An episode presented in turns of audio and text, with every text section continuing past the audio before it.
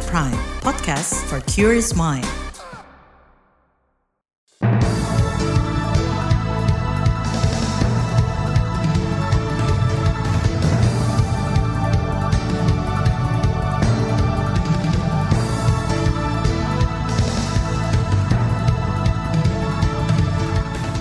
Selamat pagi saudara, berjumpa kembali melalui program Buletin Pagi edisi Rabu 14 Februari 2024. Saya Naomi Liandra. Sejumlah informasi pilihan telah kami siapkan, di antaranya daerah rawan bencana diminta siapkan skenario pemilu. Presiden Jokowi hari ini mencoblos di TPS 10 Gambir, Jakarta. Disabilitas netra di Bandung keluhkan minimnya sosialisasi pencoblosan. Inilah Buletin Pagi selengkapnya terbaru di Buletin Pagi. Saudara, hari ini 14 Februari, pemungutan suara pemilu baik pemilihan legislatif dan pemilihan presiden dilakukan serentak di tanah air. Meski begitu tetap ada potensi hambatan, baik terkait bencana alam hingga distribusi logistik pemilu di daerah. Seperti salah satu bencana terjadi di Demak, Jawa Tengah yang dilanda banjir. Bencana itu memaksa Komisi Pemilihan Umum KPU Demak menunda pemungutan suara pemilu sembilan desa di Kecamatan Karanganyar.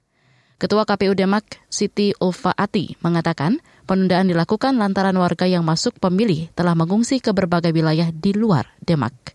Makanya kami uh, sudah ini ya berkoordinasi, sudah bersilaturahmi, bahkan kami sudah mengumpulkan para stakeholder, uh, BPP, Pemda, semuanya kita undang termasuk uh, peserta pemilu, saksi pasangan calon, Selain Demak, wilayah lain yang bersiap dengan kejadian bencana di luar prediksi saat pencoblosan, yakni Kabupaten Cianjur, Jawa Barat. Cianjur masuk daerah zona merah rawan longsor dan tanah bergerak saat musim penghujan. Ketua KPU Jawa Barat Umi Wahyuni menyebut kelengkapan logistik pemilu di daerahnya sudah tersedia. Meski begitu, dia tetap menyiapkan skenario terburuk, yakni pengalihan tempat pemungutan suara TPS jika ada wilayah yang mendadak terjadi bencana. TPS yang bencana, mitigasinya itu dipindahkan ke masih yang satu lingkup RT. Nah, kalau misalnya di RT itu masih bencana, berarti digeser. Karena kita harus pikirkan aksesibilitas pemilih ya.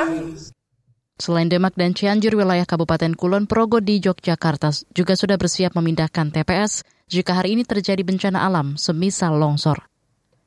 Ketua Badan Pengawas Pemilu Bawaslu Kabupaten Kulon Progo, Marwanto. Kalau banjir sepertinya enggak mm, ada ya, tadi tidak ada yang termasuk itu. Cuma mungkin yang wilayah utara yang Samigalo itu kalau hujan deras itu justru yang longsor itu yang daerah daerah-daerah longsor.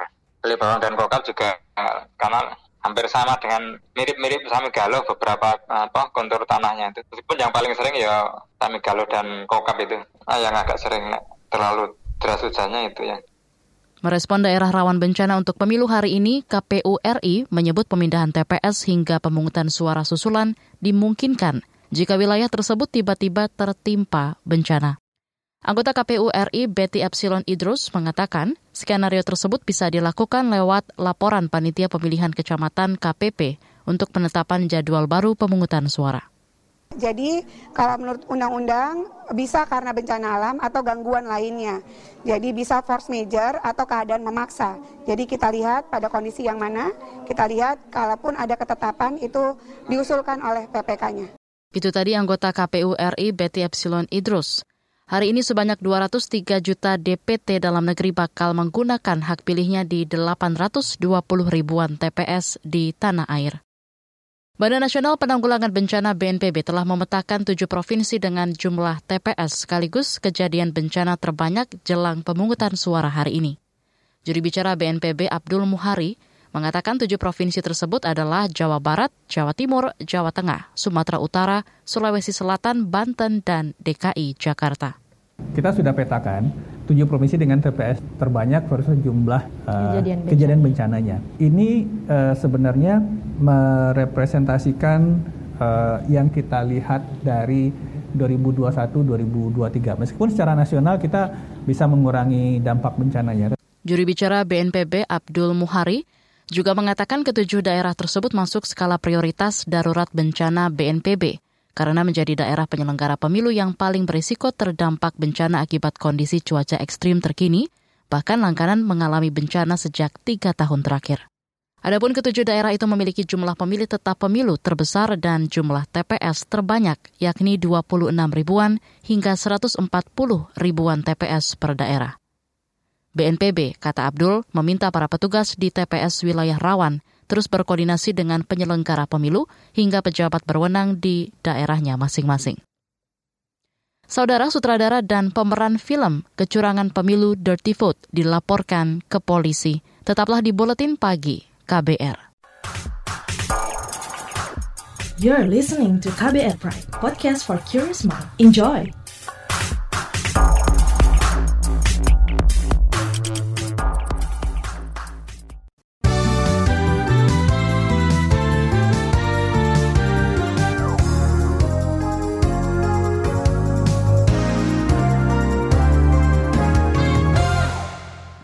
Anda sedang mendengarkan Buletin Pagi KBR. Saudara Presiden Joko Widodo hari ini akan menggunakan hak pilihnya di TPS 10 Gambir, Jakarta Pusat. Itu disampaikan Ketua Kelompok Penyelenggara Pemungutan Suara KPPS 10 Gambir, Hamdi Bashar. Dia mengatakan Jokowi menempati nomor urut 50 dalam DPT. Presiden akan hadir bersama istrinya, Iriana Jokowi, yang menempati nomor urut 47. Pak Presiden Bapak Jokowi insya Allah katanya berkenan hadir dan Bapak juga menyampaikan pesan uh, agar KPPS di mana saja di Republik ini di seluruh Nusantara agar uh, bekerja dengan jujur, adil, tegas, cermat. Sementara itu hari ini Wakil Presiden Ma'ruf Amin memastikan akan mencoblos di TPS 33 Cimanggis, Depok, Jawa Barat. Oh saya nanti nyoblosnya di Cimanggis ya di sana ya di tempat saya. Sementara itu, Capres nomor urut 1 Anies Baswedan hari ini akan mencoblos di TPS 60 Cilandak, Jakarta Selatan. Lalu Capres nomor urut 2 Prabowo Subianto mencoblos di TPS 35 Babakan Madang, Kabupaten Bogor, Jawa Barat. Kemudian Capres nomor urut 3 Ganjar Pranowo mencoblos di TPS 11 Gajah Mungkur, Kota Semarang, Jawa Tengah. Hari ini merupakan pemungutan suara pemilu baik pileg maupun pilpres. Lalu seperti apa situasi dan kondisi pencoblosan di Mataram, Nusa Tenggara Barat yang pukul 7 waktu Indonesia Tengah baru saja dimulai. Kita sudah bersama Zainuddin Syafari. Zainuddin, silakan laporan Anda. Baik, selamat pagi. Rabu 14 Februari 24 di TPS 25 Tanjung Karang. Sudah terlihat uh, masyarakat mendatangi TPS ini. Dan keseluruhan TPS sebanyak 16.243 dan Nusa Tenggara Barat dengan DPP 3,9 juta lebih. Salah satu persoalan yang sempat muncul yaitu bencana banjir yang melanda sejumlah wilayah di Nusa Tenggara Barat.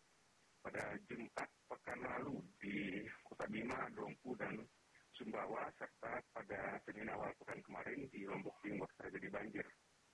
Imbas dari banjir tersebut, puluhan TPS terendam terpaksa dipindah ke titik yang lebih aman untuk menghindari risiko terjadinya bencana susulan pada hari ini. Misalnya di Kota Bima ada 66 TPS yang harus dipindah, di Sumbawa ada 15 uh, TPS yang dipindah. Persoalan lainnya yaitu uh, masalah blank spot. Ada 812 TPS di Nusa Tenggara Barat yang terkendala sinyal internet sehingga menyulitkan petugas mengakses aplikasi Sirekap.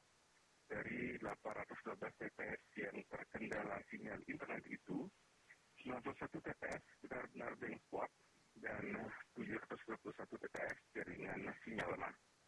Caranya, petugas TPS diminta untuk memfoto formulir hasil C Plano terlebih dahulu, kemudian barulah petugas KPPS mencari wilayah jaringan internet untuk mengirim foto tersebut.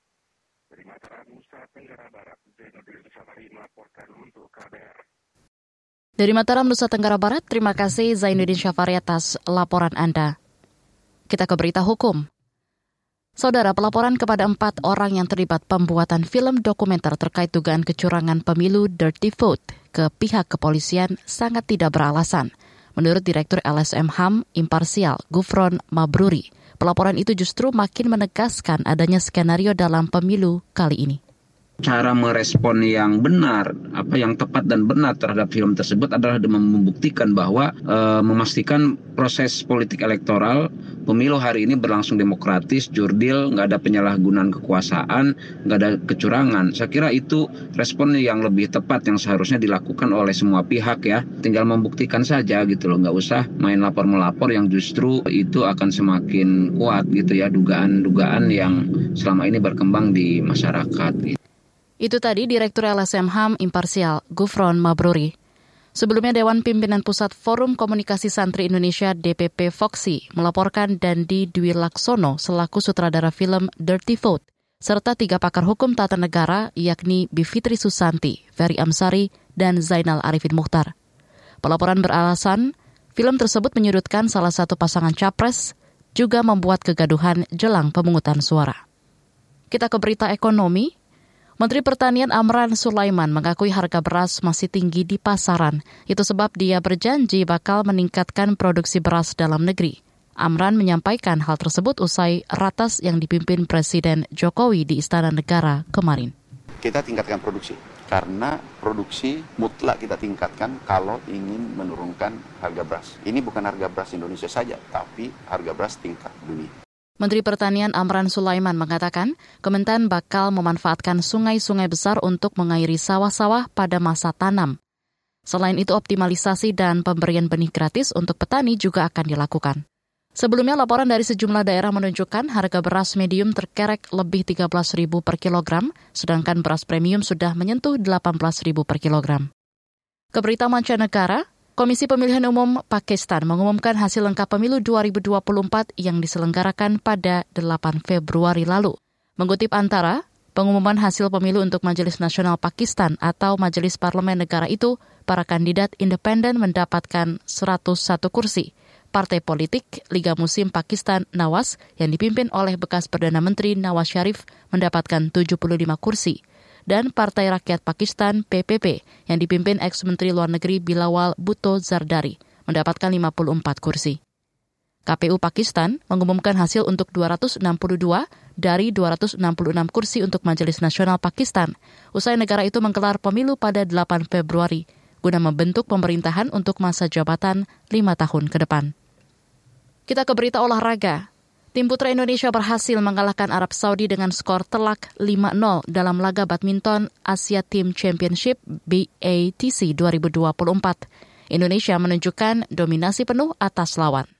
Indonesia menurunkan kekuatan terbaik dari skuad yang ada di laga ini. Ciko Aura Dwi Wardoyo, Alwi Farhan, dan Yohanes Saud Marcelino tampil di nomor tunggal. Sementara itu Leo Roli Karnando, Daniel Martin, dan Bagas Maulana Muhammad Sohibul Fikri bermain di nomor ganda. Ciko yang tampil menghadapi Mat Saik tak mengalami kendala berarti. Ciko hanya butuh 28 menit untuk menang dengan skor 21-6, 21-10. Alwi Farhan dan Saud juga menang tanpa mudah atas kemenangan telak 5-0 atas Arab Saudi, jadi modal bagus bagi Indonesia di ajang BATC 2024 yang digelar di Setia City Convention Center Shah Alam Selangor, Malaysia. Dua lawan lainnya di grup D adalah Uni Emirat Arab dan Korea Selatan. Di bagian berikutnya kami hadirkan laporan khas KBR tentang Saga Pemilu 2024 musim dingin bagi perempuan politik tetaplah di Buletin Pagi KBR. You're listening to KBR Pride, podcast for curious mind. Enjoy!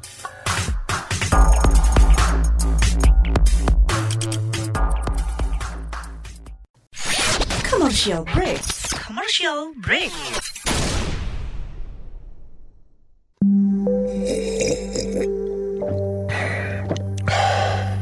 Yakin, cukup teh doang. KBR sore, siap menjadi teman sore hari kamu, biar kamu gak kesepian. Dapatkan rangkuman perkembangan berita terpenting di sore hari dari bidang politik, ekonomi, sosial, budaya, dan olahraga dari dalam dan luar negeri. Simak KBR Sore setiap hari Senin sampai Jumat mulai pukul 16 di radio jaringan KBR seluruh Indonesia dan di kbrprime.id search KBR Sore.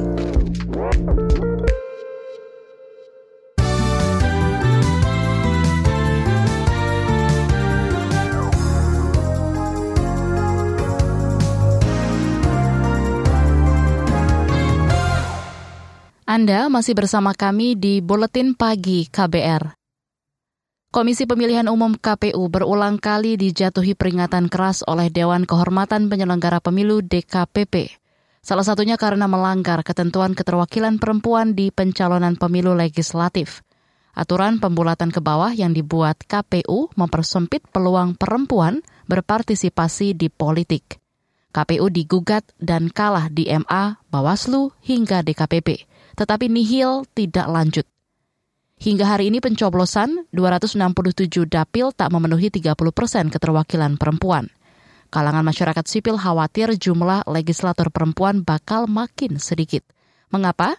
Jurnalis KBR Nini Yuniati berbincang dengan beberapa aktivis perempuan tentang keresahan mereka. Simak laporannya yang dibacakan Astri Yuwanasari. Undang-undang pemilu jelas-jelas dia menyampaikan bahwa harus ada gitu 30 persen minimal. Eka Ernawati mesti bersiap dengan apa pun hasil pemilu legislatif 2024. Ia khawatir jika jumlah perempuan yang lolos ke DPR berkurang. Artinya makin berat peluang meloloskan produk undang-undang yang berpihak pada perempuan. Sekali terasa perbedaannya ya uh, antara alat perempuan dan laki-laki laki-laki yang perspektifnya uh, hanya satu dua lah yang perspektifnya bagus. Uh, mereka mempunyai perspektif korban juga baik itu hanya satu dua. Tapi selebihnya saya rasa dunia mereka masih patriarkis. Eka adalah aktivis Koalisi Perempuan Indonesia atau KPI, LSM yang sudah puluhan tahun memperjuangkan kesetaraan gender. Sejumlah regulasi pro perempuan berhasil mereka advokasi. Salah satunya Undang-Undang Tindak Pidana Kekerasan Seksual atau UU TPKS yang diketok pada 2022 setelah diperjuangkan selama 10 tahun. Eka terlibat dalam proses lobby. Tak dipungkirinya lebih mudah meyakinkan anggota Dewan Perempuan ketimbang laki-laki. Istilahnya kita bisa masih mau menyampaikan bagaimana misalnya mereka mengembalikan ke diri sendiri apabila merasakan itu apa yang terjadi itu istilahnya pendetakannya masih masih lebih baik lah ya ketimbang terhadap laki-laki itu.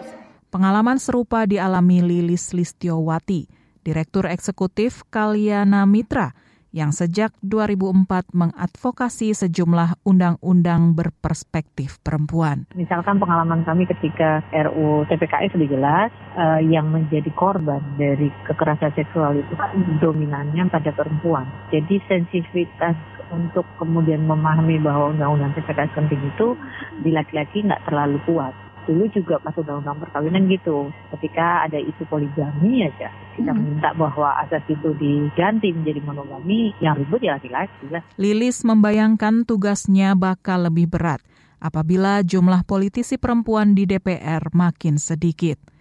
DPR hasil pemilu 2019 saja hanya diisi 20 persen perempuan. Bagaimana dengan pemilu 2024, pikir Lilis. Peluang perempuan menjadi legislator justru dibonsai oleh penyelenggara pemilu, KPU, dengan menerbitkan aturan pembulatan ke bawah terkait keterwakilan perempuan di daftar caleg. Padahal di UU Pemilu sudah ditetapkan presentasenya minimal 30 persen. Pengajar hukum pemilu di UI, Titi Anggraini menjelaskan bagaimana aturan KPU itu memangkas kesempatan perempuan berpolitik. Kalau di suatu dapil partai mengajukan empat orang caleg perempuan, kan 30 persen dari empat itu kan 1,2. Caleg kan nggak mungkin ada yang 1,2. Pasti kalau tidak satu ya dua orang kan. Koma duanya itu kan desimal kurang dari lima. Maka dia dibulatkan ke bawah. Oleh KPU dibulatkan jadi angka satu. Sementara kalau angka satu dari empat kan cuma 25 persen. KPU digugat oleh Koalisi Masyarakat Peduli Keterwakilan Perempuan. Di Mahkamah Agung, aturan pembulatan ke bawah dibatalkan. Di DKPP dan Bawaslu, KPU juga kalah. Namun hingga hari pencoblosan aturan itu tak kunjung direvisi. Daftar caleg pun tak berubah. Sementara itu, dosen Fakultas Hukum Universitas 11 Maret UNS, Agus Riwanto mengatakan KPU sudah menindaklanjuti putusan MA dengan meminta parpol mengubah daftar caleg. Di sisi lain, MA juga tidak menjelaskan soal kapan putusan itu diberlakukan. Karenanya ada celah KPU menafsirkan bahwa putusan itu berlaku pada 2029. KPU kan sudah berkirim surat kan ke MA, minta fatwa kan, ini berlakunya untuk kapan sih 2024 atau 2029. Nah MA dalam surat balasan itu mengatakan terserah KPU begitu. Selain MA, putusan Bawaslu juga dianggapnya janggal. Agus adalah ahli yang dihadirkan KPU di sidang gugatan keterwakilan perempuan di Bawaslu. Putusan itu juga aneh karena tidak ada perintah untuk mengubah norma atau melaksanakan putusan MA. Hanya dikatakan Agus bilang parpol yang menolak memenuhi keterwakilan perempuan di daftar calegnya tak bisa dijatuhi sanksi sebab tidak ada ketentuan itu dalam undang-undang pemilu. Agus menyarankan masyarakat sipil mengajukan revisi UU Pemilu guna menghindari masalah serupa terjadi di pemilu berikutnya. Makanya harus dikasih sanksi.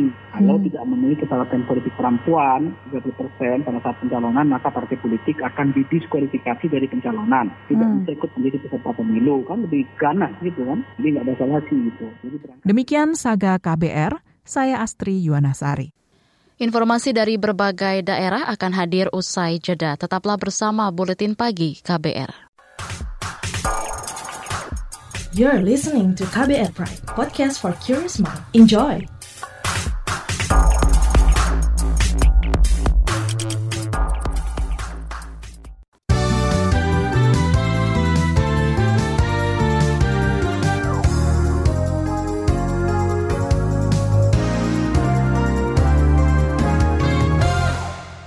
Inilah bagian akhir buletin pagi KBR. Saudara penjabat Gubernur Jawa Barat B. Mahmudin memastikan lokasi sejumlah tempat pemungutan suara TPS di Kecamatan Kertajati, Kabupaten Majalengka tetap sesuai rencana. B menegaskan hal itu karena jalan-jalan di sekitar Kertajati terendam banjir. Air masih menggendang, menggenang pada akses jalan di terbang di gerbang tol Kertajati yang merupakan salah satu akses menuju ke tol Cipali. 8 8 8 jadi itu akan segera perbaiki dan juga uh, ini kan di desa Kerta Kertawinangun, Kecamatan Kertajati, Kabupaten Majalengka. Dan juga kami ingatkan Pak PJ Bupati agar TPS jangan sampai terganggu. Tanggul-tanggul yang jebol mengakibatkan luapan air sungai Cipalang dan membanjiri ribuan rumah warga di Majalengka, termasuk merendam akses jalan ke gerbang tol Kertajati. Sementara itu, manajemen PT Bandar Udara Internasional Jawa Barat menyatakan banjir tidak mengganggu aktivitas di Bandara Kertajati. Kita ke daerah lain, kelompok disabilitas netra di kota Bandung, Jawa Barat kemungkinan besar butuh waktu lama mencoblos surat suara pemilu di TPS. Ketua Biro Disabilitas Center Ikatan Alumni Universitas Pajajaran Suhendar mengatakan hal itu dikarenakan KPU Bandung minim sosialisasi penggunaan alat bantu memilih untuk netra otomatis ada lima template pas TPS yang kebetulan punya tema punya ada ada di situ ada konsentrasi teman-teman disabilitas ambil saya contoh di biar guna misalnya kan tapi itu belum belum pernah sih belum pernah kita uh, mendapatkan sosialisasi dan simulasi itu. Ketua Biro Disabilitas Center Ikatan Alumni Universitas Pajajaran Suhendar juga mengeluhkan ketidakjelasan aksesibilitas kelompok disabilitas menuju dan saat berada di TPS. Data Bawaslu Kota Bandung mencatat ada 7.300-an pemilih berstatus disabilitas. Kita ke Yogyakarta. Ketua Komisi A DPRD Yogyakarta Eko Suwanto menyoroti temuan adanya warga yang meninggal, namun tetap mendapat undangan pencoblosan surat suara di TPS hari ini. Dua kasus ini terjadi di TPS 1 Kota Baru dan di TPS 23 Pringgo Kusuman, Yogyakarta. Jadi KPU masih mencetak dan mendistribusikan surat undangan bagi pemilih meninggal. Ketua Komisi A DPRD Yogyakarta Eko Suwanto mengatakan kasus warga meninggal mendapat undangan mencoblos berpotensi menjadi kecurangan pemilu. Eko menyebut kondisi demikian terjadi karena KPU tidak memperbarui DPT berdasarkan dinamika kependudukan. Ketua Komisi Pemilihan Umum KPU Hashim Asyari mendorong masyarakat untuk mengawal penghitungan suara seusai mencoblos di TPS masing-masing. Hal ini ia sampaikan dalam pidato jelang hari pemungutan suara 14 Februari 2024. Ketua KPU Hashim Asyari menegaskan siapa pun mulai dari masyarakat, jurnalis hingga pemantau pemilu dapat mendokumentasikan penghitungan suara di TPS, yakni dengan cara mencatat, mengambil foto hingga video. Kata dia, kegiatan tersebut dalam rangka menjaga akuntabilitas, transparansi, dan integritas proses pemilu, terutama kegiatan pemungutan dan penghitungan suara. Informasi tadi menutup jumpa kita di Buletin Pagi hari ini. Pantau juga informasi terbaru melalui kabar baru, situs kbr.id, Twitter atau media sosial X kami di Berita KBR, dan juga podcast di kbrprime.id. Saya Naomi Liandra bersama tim yang bertugas undur diri. Salam.